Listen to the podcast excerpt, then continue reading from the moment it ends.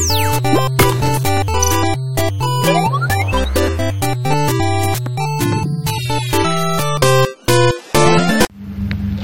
oke. Sip. Ya, halo teman-teman. Balik lagi di podcast ASEAN Talk. Kurang semangat kali ya. Halo, eh halo lagi. Oke, halo teman-teman. Balik lagi di podcast ASEAN Talk. gitu aja ya. Udah, kelar dah podcastnya. Nggak bercanda-bercanda. Eh, jadi gini ya gue gue emang orangnya datar gitu jadi eh, kalau kalian pengen denger yang menggelegar-gelegar terus ya apalagi tuh gue harus tahu kalau kalau gue ini orangnya datar banget gitu terus apalagi kalau kalian semua atau siapa pun yang pengen ketemu gue gitu Randy Aprizal di dunia nyata nah, maksud gue di iya di real life gitu. Di real life gue orangnya emang diem gitu pendiam. Daripada kayak misalkan gue di podcast ini atau gue di YouTube atau di mana ya oh di Instagram atau di sosial media lainnya gue kelihatan kayak apa ya uh, orang gimana ya? Ini orang uh, lucu kayaknya. Tapi sebenarnya enggak sih emang nggak lucu. Gue nggak lucu. Jadi gimana ya? gue di real life tuh emang introvert banget apalagi kalau udah ketemu orang-orang banyak.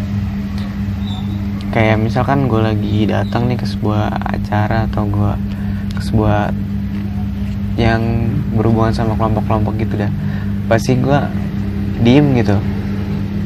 Diem. Dan gue bakalan ngomong kalau gue diajak ngobrol atau diajak ngomong gitu.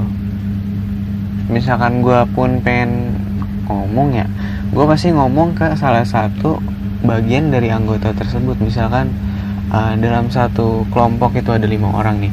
Itu salah satunya gue ya gue pasti ngajak. Kalau ngobrol tuh gue ajak salah satu gitu. Terus misalkan emang banyak ya itu tinggal nimbrung nimbrung aja sih. Yang lainnya maksudnya nimbrung. Kalau gue sendiri ya banyakkan diem juga. Seriusan. Terlebih lagi ekspresi gue super datar sumpah. Kayak misalnya lu mau nyubit gue kayak gue ya dia mah ya datar gimana sih datar gitu ekspresi gue sumpah. Jadi karena ekspresi gue yang seperti ini kadang gue dibilang sombong gitu. Apalagi sama yang orang yang belum kenal gue banget. Misalkan orang itu perta baru pertama kali ketemu gue terus besoknya secara nggak sengaja ketemu gue terus tiba-tiba gue kayak kelihatan sombong. Ya gimana ya? Gue bukannya sombong. Ada beberapa alasan. Yang pertama mungkin gue lupa nama lo terus yang kedua ya mungkin gue lupa siapa lo terus yang ketiga tiga ini adalah sebuah uh, sebuah apa ya? Sebuah traumatis. Eh, nggak nggak juga juga traumatis sih maksud gue gimana ya setiap kali gue ngedegor orang nih pasti orang tersebut tuh nggak nenggor balik gitu atau paling nggak kayak nanggepin lah kayak ya hey kayak gitu. Nah tuh gue paling sebel banget tuh. Mungkin apa karena suara gue yang kecil atau mungkin suara gue ya kecil atau mungkin suara gue kayak suara jeritan semut gitu kan yang lu sendiri nggak tahu kan jeritan semut itu kayak gimana uh, oke. Okay. uh, kita back to topic podcast. Seperti yang gue bilang di episode-episode sebelumnya kalau podcast ASEAN Talk itu gue tidak pernah mengonsepkan uh, hari ini untuk ngebahas apa gitu atau besok mau ngebahas apa. Nggak gue nggak pernah mengonsepkan gitu ya. Yang ada di pikiran gue sekarang ya gue keluarin gitu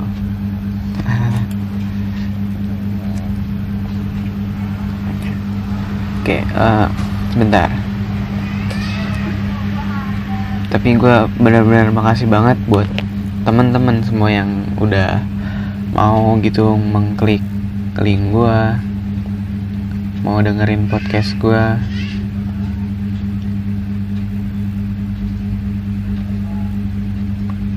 ya makasih banget gitu.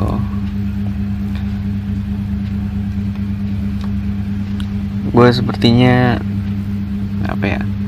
Uh, ingin beristirahat juga sih dari YouTube. Sumpah gue dari YouTube gimana ya? Kehabisan topik gue sama ini sih ya video gue datar-datar aja gitu. Mainstream banget nggak ada bedanya sama yang lain. Mungkin karena gue kurang lugas atau kurang jujur kali ya juga di YouTube ya. Kayak gue membuat sebuah persona baru kayaknya di YouTube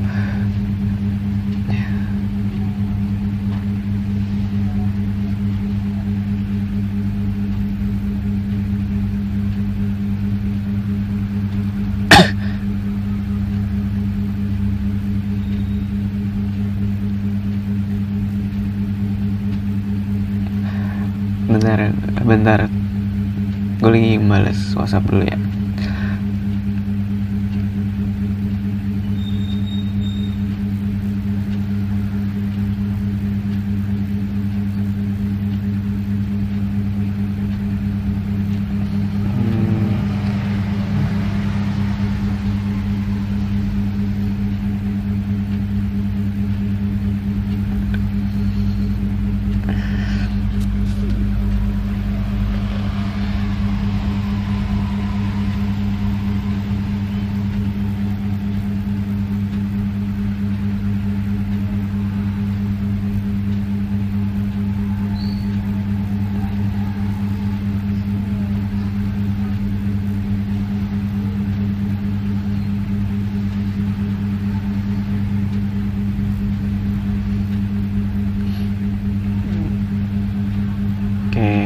lanjut lagi kan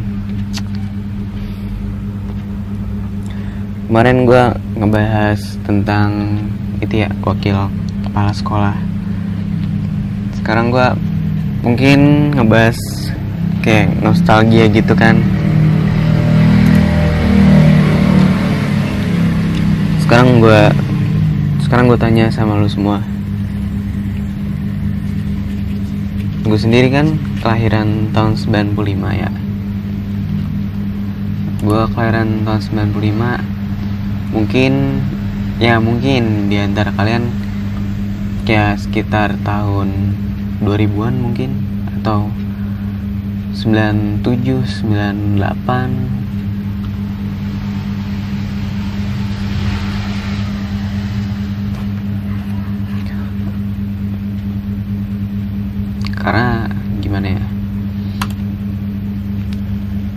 gue pengen nostalgia ke bagian di mana uh, eh, gue sendiri masuk ke dunia Jepangan gitu.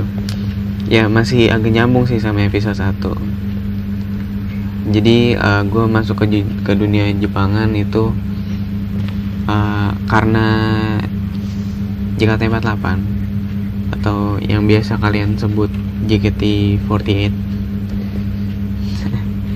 jauh sebelum itu gue suka udah suka Jepang cuman seperti belum wibu banget sih. Itu mulai dari apa ya oh SMP SMP kelas 7 ya SMP kelas 7 itu dari kelas 6 SD ke SMP kelas 7 uh, itu gue sebenarnya benar-benar buta banget dengan dunia Jepang. Yang gue tahu itu hanya Doraemon terus Kurochan saya buku Kurochan. Yang gue tahu cuman kartun-kartun yang nongol di RCTI sih. RCTI Indosiar kayak gitu kan. Selain itu gue nggak tahu. Nah di kelas 7 ini uh, gue dicekokin dengan yang namanya Jepang lewat lagu-lagunya Jerox kalian tahu Jerox yang dulu sering banget dibilang plagiatnya Laruku Arkensil tapi emang bener sih uh, memang dia kan mereka itu uh, terinspirasi dari laruku jadi ya beberapa bagian yang mungkin mirip. Terlebih lagi dalam menciptakan sebuah lagu ya sebenarnya wajar sih uh, satu atau dua yang mirip. Asal tidak melebihi batas copyright ada kok batasnya gue nggak tahu batasnya sampai berapa nada atau segala macamnya bisa kalian googling sendiri gitu. Oke balik lagi. Jadi gue suka di Jepangan itu karena Jerox waktu itu gue lagi main ke rumah saudara gue rumah saudara gue ini ada di samping rumah gue namanya Andre gue kalau gue manggilnya AA Andre karena dia ada campuran Sundanya gitu. Nah gue sendiri kan uh, keturunan Betawi. Jadi saudara gue ini ya sama Betawi juga Betawi Sunda. Kalau gue kan Betawi apa ya bingung juga sih. Betawi Jawa bisa Betawi Medan juga bisa nah terus uh, apa ya? Oh, oke. Okay. Jerox ya. Nah setelah itu uh, eh, gue juga pertama kalinya yang namanya uh, gue jatuh cinta banget banget banget bener-bener. Itu dengan pacar pertama gue nah di situ gue belajar gitar kan. Belajar gitar pertama gue dikasih tahu lagu ungu terus kemudian gue mulai belajar belajar lagu Jepang tuh lagu-lagu Jerox kan. Gue belajar belajar lagu Jerox di situ. Terus gue mulai tuh kenal dengan Melaruku apalagi lagunya yang apa ya? Driver's Hike yang apa ya? Na na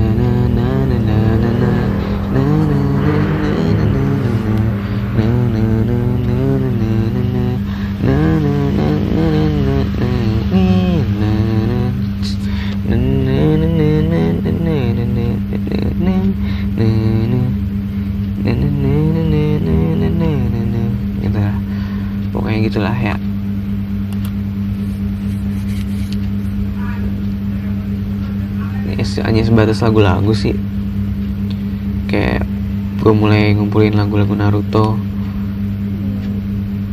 apalagi lagu Naruto yang kata uh, dulu hits banget tuh yang ini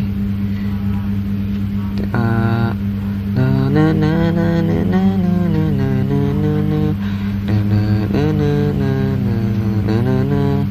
Oke, okay, thanks banget buat Afif yang udah ngenalin gue lagu-lagu Naruto. Afif, terus Barka, Ahmad Barka.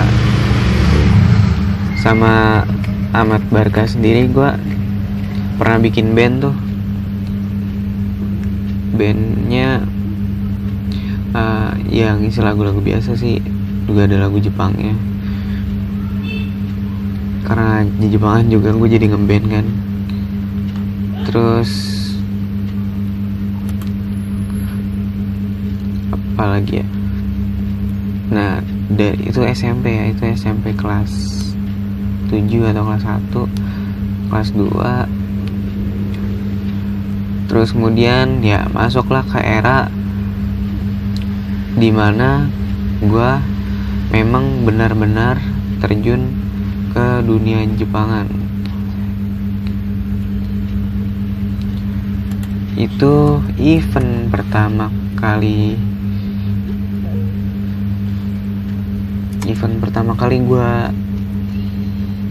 masuk ke dunia Jepangan itu adalah Hello Fest. Waktu itu itu Hello Fest 8 uh, tempat di mana apa ya pertama kalinya JKT48 tampil.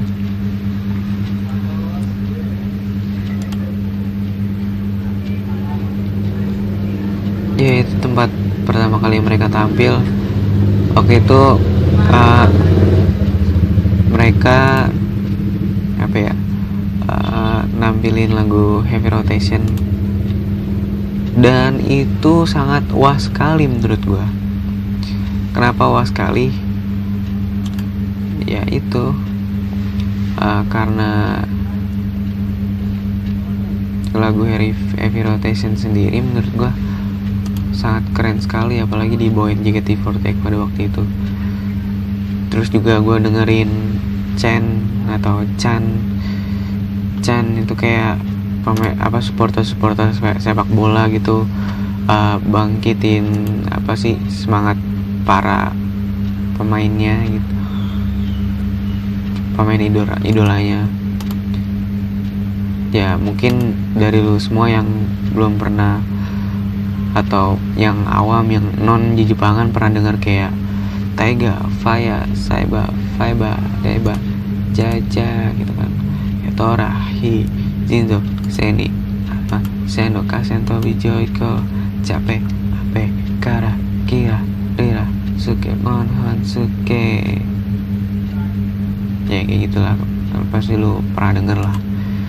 Mungkin kalau lu nggak pernah denger mungkin lu pernah denger di acara dahsyat mungkin lu pernah denger di acara inbox lu mungkin pernah denger di ya di acara musik lainnya gitu. Atau lu pernah lagi di cafe terus tiba-tiba ada segerombolan uh, pria-pria gitu dengan penuh keringat terus berteriak. Terus di mejanya cuman ada satu botol minuman.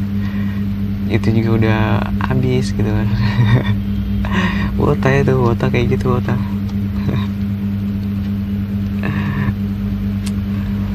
itu juga pernah gue tulis di blog gue di Hello Face I'm coming.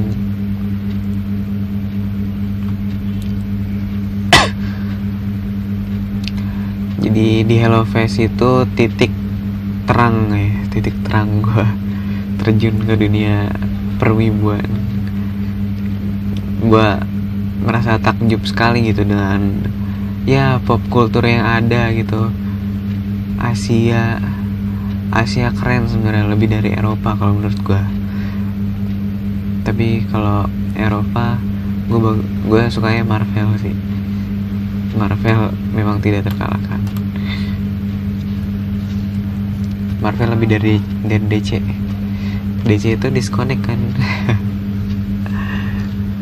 ya jadi di balik lagi back to topic.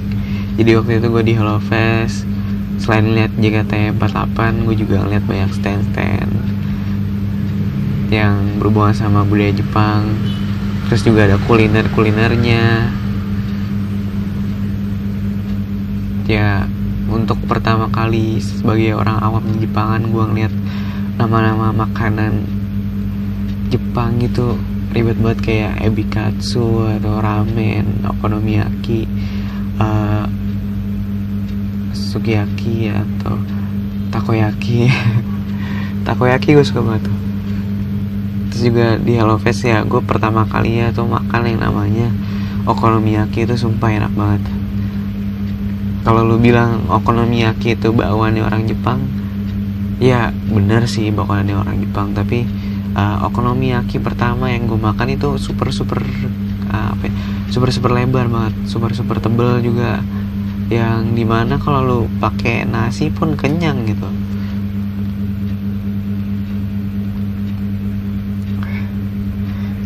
Dan ya gue masih miskin waktu Hello Fest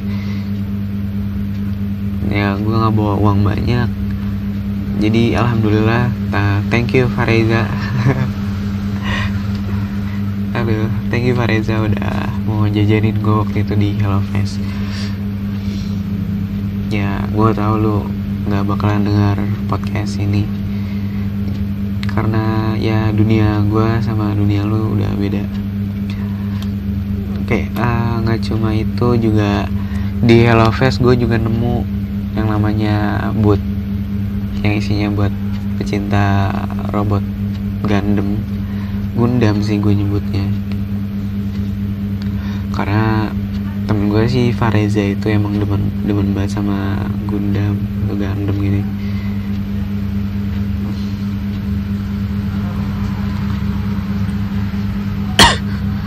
Dan lu tahu gue pertama kalinya foto sama cosplay itu gue berasa banget wahnya.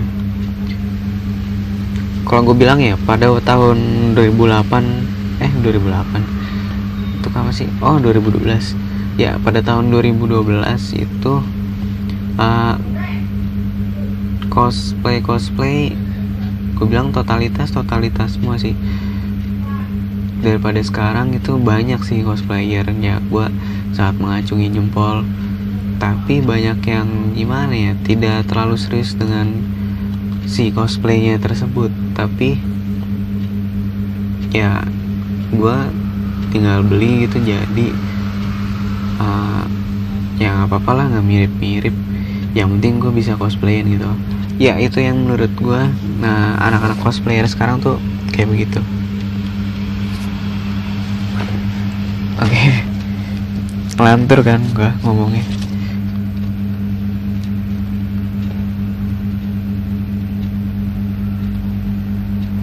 terus ya setelah Hello Face itu terbukalah gua ke jalan-jalan yang lain kayak gua datang ke Anicisai terus gua datang ke Jak-Japan Matsuri. Bahkan sampai kuliah uh, saya adalah sebuah event yang wajib sebenarnya gue datengin gitu. Sama sama teman-teman gue terutama teman-teman kuliah gue ya dan ya gue merasa bersedih. Uh, teman gue uh, udah almarhum juga. Uh, doi suka banget datang ke Nicisai dan juga gue pertama kalinya ke Ava ini juga karena dia gue dibayarin. Thank you berat bro. Semoga lu tenang di alam sana. Gue di sini cuma bisa berdoa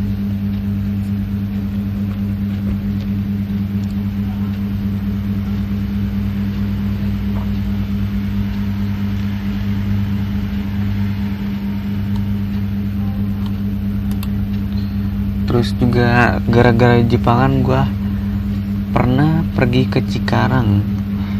Gue nggak pernah pergi sejauh itu sebelumnya. Ke Cikarang bro. Yang di mana gue pas pulang gue sama sekali nggak kebagian bus. Cuma untung alhamdulillah banget tuh bus satu-satunya yang terakhir di jam tersebut itu udah malam banget kayaknya. Jam berapa? Jam 8 malam kayaknya itu. Bis dari Cikarang ke Jakarta. Tinggal itu doang satu-satunya. Ya gua ke Cikarang juga karena JKT 48 sih. Itu acaranya Sakura Matsuri kalau lu pengen tahu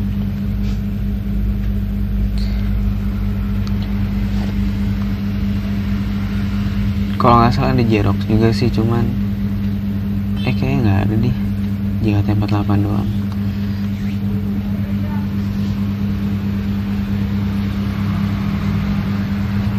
Terus itu lagi zaman zamannya juga sih uh, Google Maps ya.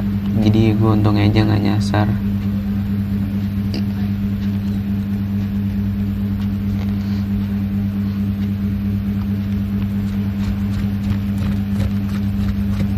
dan karena JKT48 itu gue gabung ke ekskul Jepangan di SMA gue kebetulan emang ada mata pelajaran bahasa Jepang sih di SMA gue jadi ya masih nyambung-nyambung gitu lah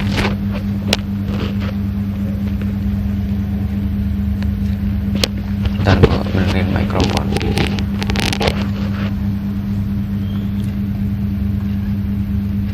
terus buat lu semua yang pergi ke event lu ini gak sih? Lu sempet sempetin gak sih uh, nulis di tanah bata? Itu loh. Yang pohon harapan. Yang di mana lu bisa nulis harapan lu di pohon itu. Maksud gua nulis harapannya jadi lu nulis harapan lu di kertas terus lu gantungin gitu di pohon. Nah kertasnya itu warna-warni. Oh orang-orang Jepang sih nyebutnya tanzaku ya. Tanzaku ini ada banyak batu warnanya. Ada warna hijau ada merah kuning putih dan hitam. Uh, pertama kalinya gue nulis di tanah bata dan lu tahu apa yang gue tulis? Yes yang gue tulis adalah be a comedy writer. Karena gue pengen banget menjadi seorang penulis komedi. Dan gue nggak tahu apakah sudah tercapai atau belum. Karena gue sendiri merasa gue bukan seorang penulis komedi. Gue nggak tahu apakah bercanda gue ini bisa membuat orang lain tertawa atau tidak. Karena gue sendiri gue mencoba melucu tapi di dalam diri gue juga gue ngerasa sepi sendiri karena ya gue nggak tahu apakah orang tertawa akan jokes gue itu palsu atau enggak. Jadi gue ngerasa sedih aja gitu karena di dalam hidup gue sendiri tidak pernah ada yang namanya komentar negatif tentang diri gue selamanya hanya flat flat aja. Dan itu bikin gue sedih. sih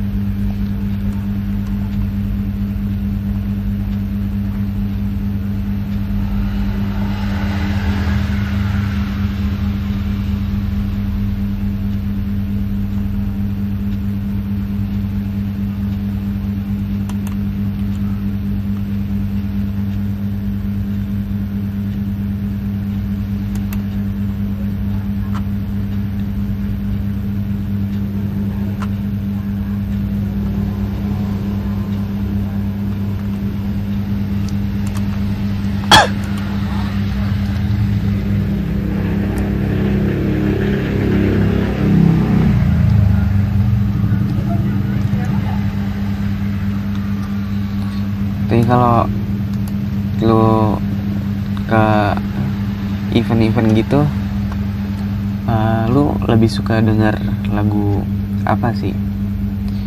Karena gue terakhir kali kemarin gue pergi ke apa apa tuh event yang di UNJ apa namanya? Oh iya Jiu Matsuri ya. Ya Jiu Matsuri. Dan itu sumpah gue nggak ngerti sama sekali. Gue tidak mengerti itu dengan yang terjadi di apa ya pokoknya yang terjadi di dunia Jepangan sekarang gitu. Apa sih yang sebenarnya teman-teman sekalian mau gitu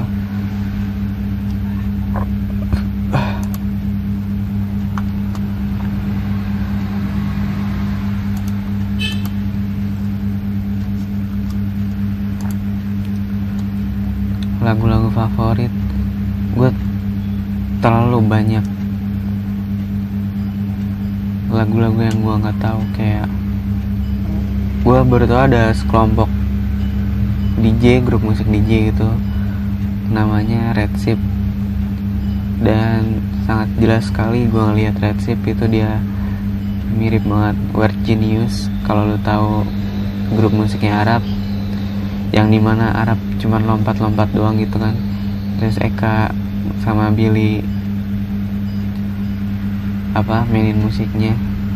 Si Arab cuman joget-joget. Ya sama Red juga gitu kalau gue lihat. Ini orang temennya satu mending lah ya nge temennya. Dan satu lagi cuman lompat-lompat gitu cuman bilang hei hei eh ya eh ya eh ya eh eh eh gue juga bisa kayak gitu mah terus gue tinggal makan itu dah bayaran buta. Cuman gitu-gitu doang. Paling enggak lu nyanyi kayak atau gimana dengan alunan musik musik di Jepangan yang di DJ kan gitu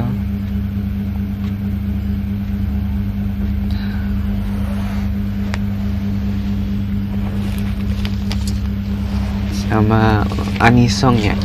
Gue jujur gue nggak tahu gue lagu-lagu Anisong. Gue cuman taunya lagu Hatsune Miku. Itu juga yang Senbo Zakura yang na na na na na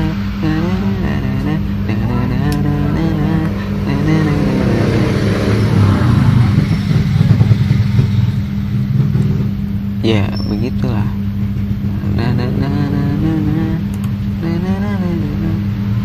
terus juga sumpah ada yang namanya istilah apa ya wibu bau bawang ya.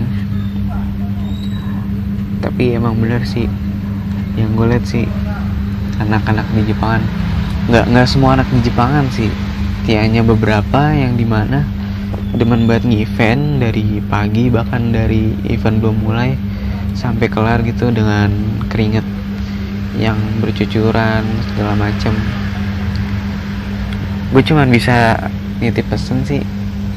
Cuman bisa berpesan kalau lu pergi ke event di Jepang jangan lupa bawa minyak wangi gitu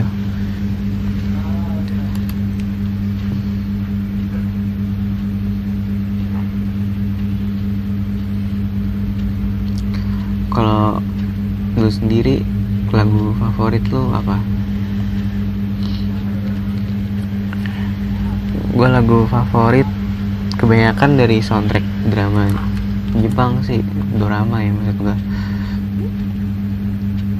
kayak lagunya siapa tuh aduh yang ini loh na na na na na na na na na na na na na na na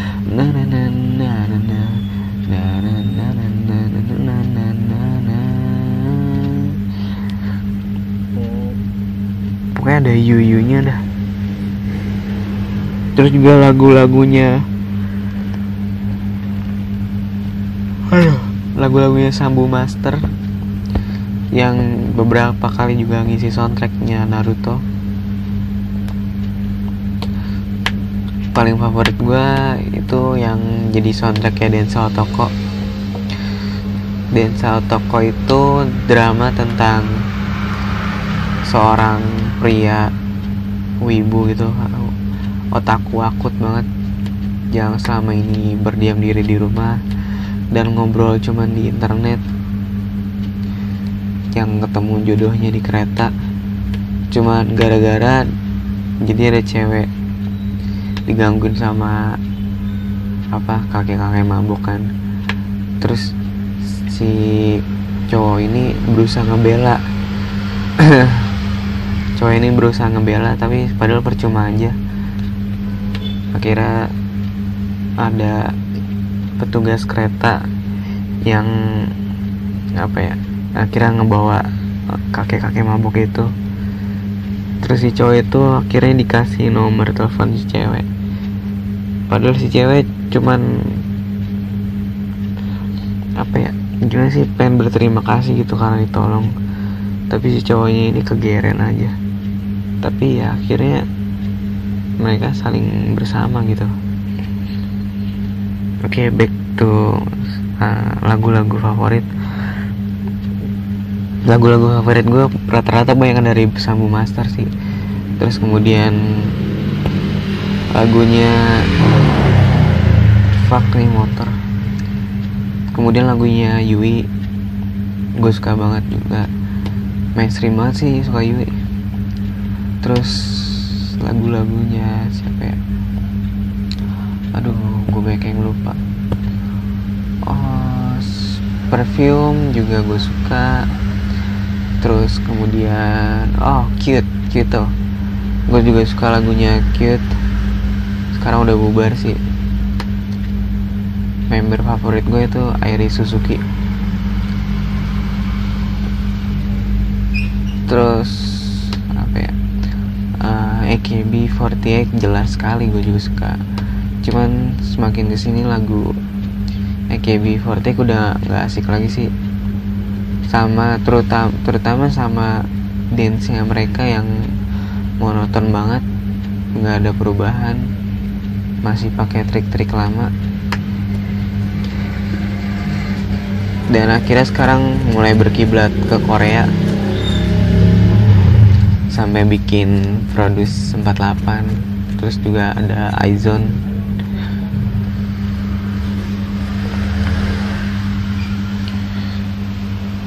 Aduh gue sambil rebahan dulu ya. Capek cuy ngomong terus aduh.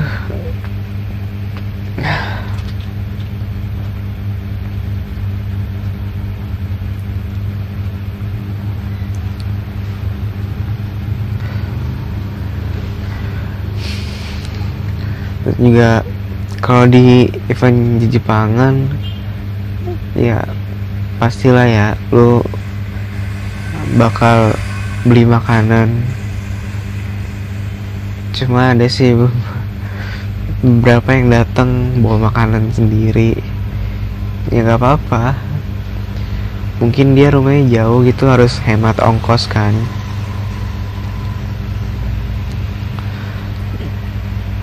Makanan favorit gua itu uh, takoyaki sih. Cuman gua kesel banget sih sama porsi takoyaki sekarang yang di mana harganya udah mulai 20 ribuan cuy. 20 ribuan 4 butir terus isi oktopus oktopusnya secul banget se, se mana ya? Seuprit lah ya kayaknya. Kayak seperti sia-sia gue mengeluarkan duit 20 ribu untuk octopus super gitu ya gue sendiri nggak tahu sih mereka modal berapa beli bahan-bahannya mahal atau enggak tapi menurut gue kalau oktopusnya atau udang gitu atau ayamnya karena gue lihat takoyaki sekarang ada isi ayam gitu itu suprit banget terus harganya mahal gitu. Nggak worth it banget. Hanya worth it sesaat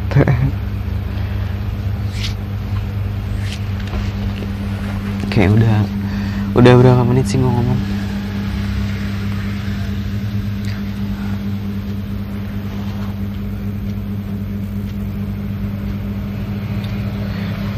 Aduh, 37 menit ternyata.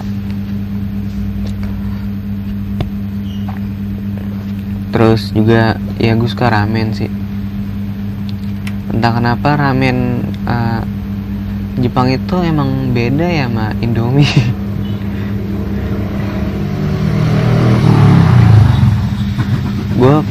gue gue pertama kali yang nyoba ramen itu di salah satu kedai gitu.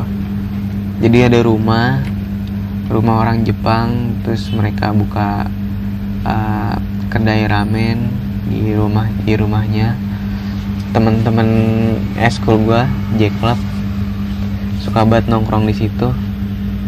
Dan sayang banget sekarang udah apa ya dijual kalau nggak salah rumahnya sangat apa ya sangat momentum sekali. Eh bukan momentum sangat bersejarah sekali gitu. Itu pertama kalinya gue makan ramen di situ. Dan gue juga baru tahu kalau Naruto itu adalah salah satu bahan dari si ramen itu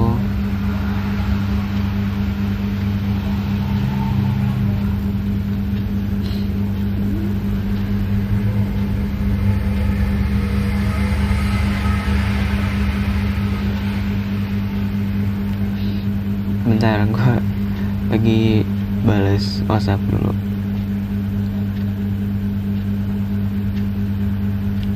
Oh ya buat teman-teman semua jangan lupa dukung 2019 ya.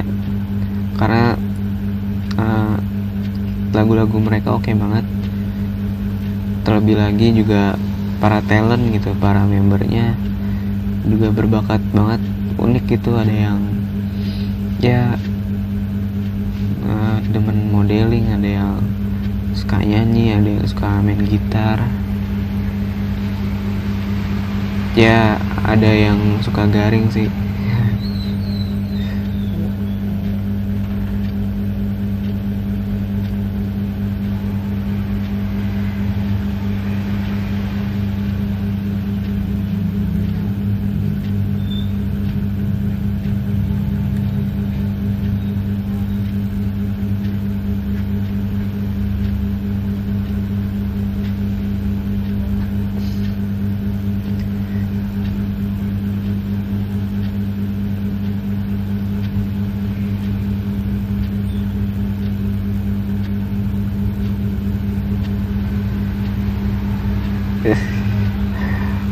Ntar nih kocak banget cewek gue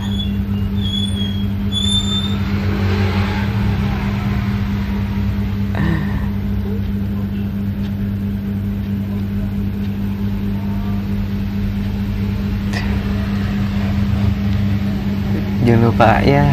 Jangan lupa dukung 2019 saya dah lu semua bisa kenal mereka lewat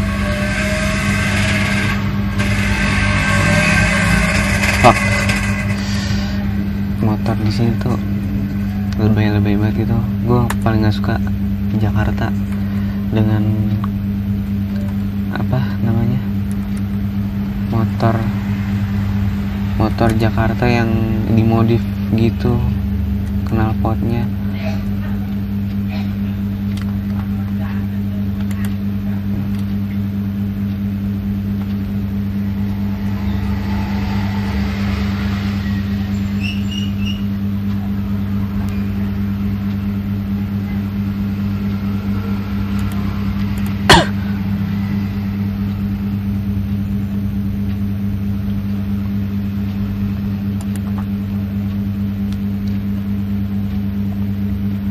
kayak nih eh,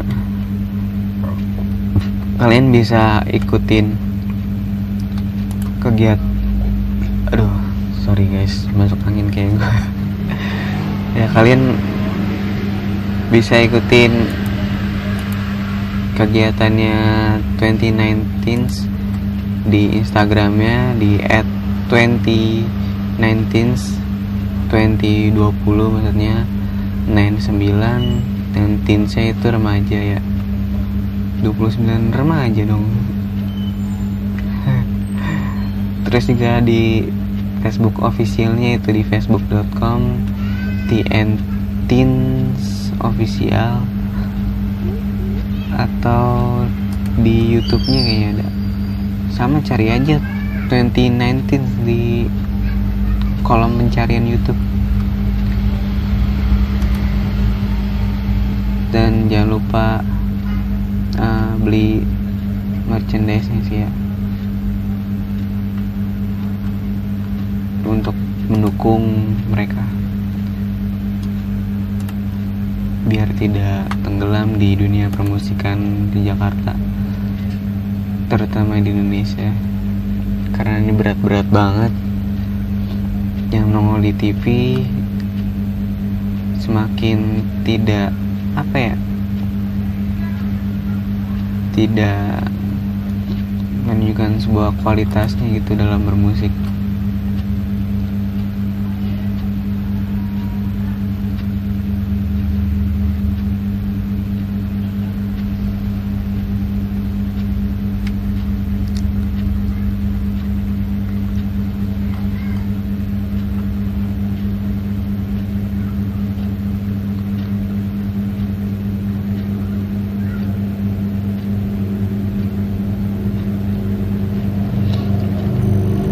Oke, eh, buat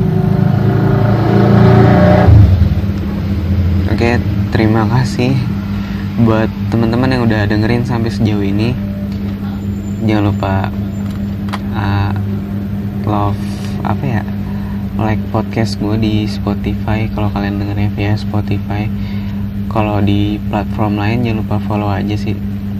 Atau lu juga bisa ikutin keseharian gue di Instagram di trendy underscore aprizal atau di twitter at trendy underscore aprizal juga atau juga lo bisa cari gue di youtube di youtube.com slash Randy Aprizal.